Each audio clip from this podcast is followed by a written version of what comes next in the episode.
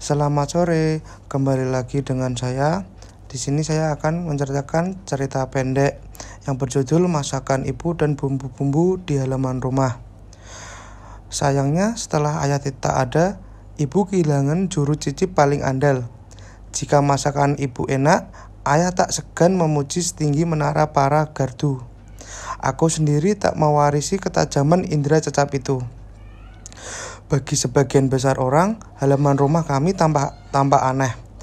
Ada banyak tanaman tumbuh, tapi tak ada setangkai pun bunga di sana. Mungkin orang yang akan merasa lebih aneh lagi saat tahu bahwa itu semua atas pilihan ibu. Aku sendiri tak pernah menanyakan kepada ibu mengenai alasan tidak berniat menumbuhkan bunga, tapi kuduga itu terkait dengan keinginannya untuk menghasilkan yang lebih berguna bagi masakannya. Setahuku, ibu adalah satu dari sangat sedikit orang yang memegang teguh prinsipnya dalam memasak. Ia biasa menanam sendiri sebagian besar bumbu dapur yang akan dipakai. Di halaman yang memang dibuat lebih luas ketimbang bangunan rumah kami, kau bisa melihat berbagai tanaman bumbu tersebar di berbagai sudut. Sebagian di tanah, sebagian di pot besar, sebagian lagi di pot gantung kecil. Cabai, jahe, serta serai, bawang merah, kunyit, dan beberapa yang lain.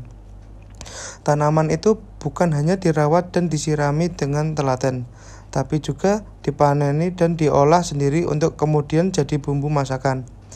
Bagi ibu, memasak dengan bumbu yang ditanam dan diolah sendiri akan menghasilkan rasa yang lebih nendang.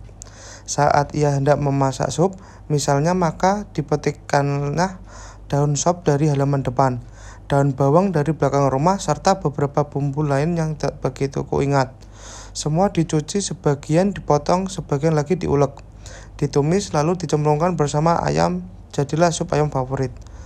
Tentu tidak selalu tanaman itu siap dipanen atau di bumbu yang dibutuhkan ada di halaman. Jika begitu kondisinya, ibu akan pergi ke pasar pagi-pagi sekali untuk mencari bumbu yang paling segar, yang paling mendekati kondisi tanaman yang kupanen sendiri, kata ibu. Sekian cerita dari saya. Terima kasih.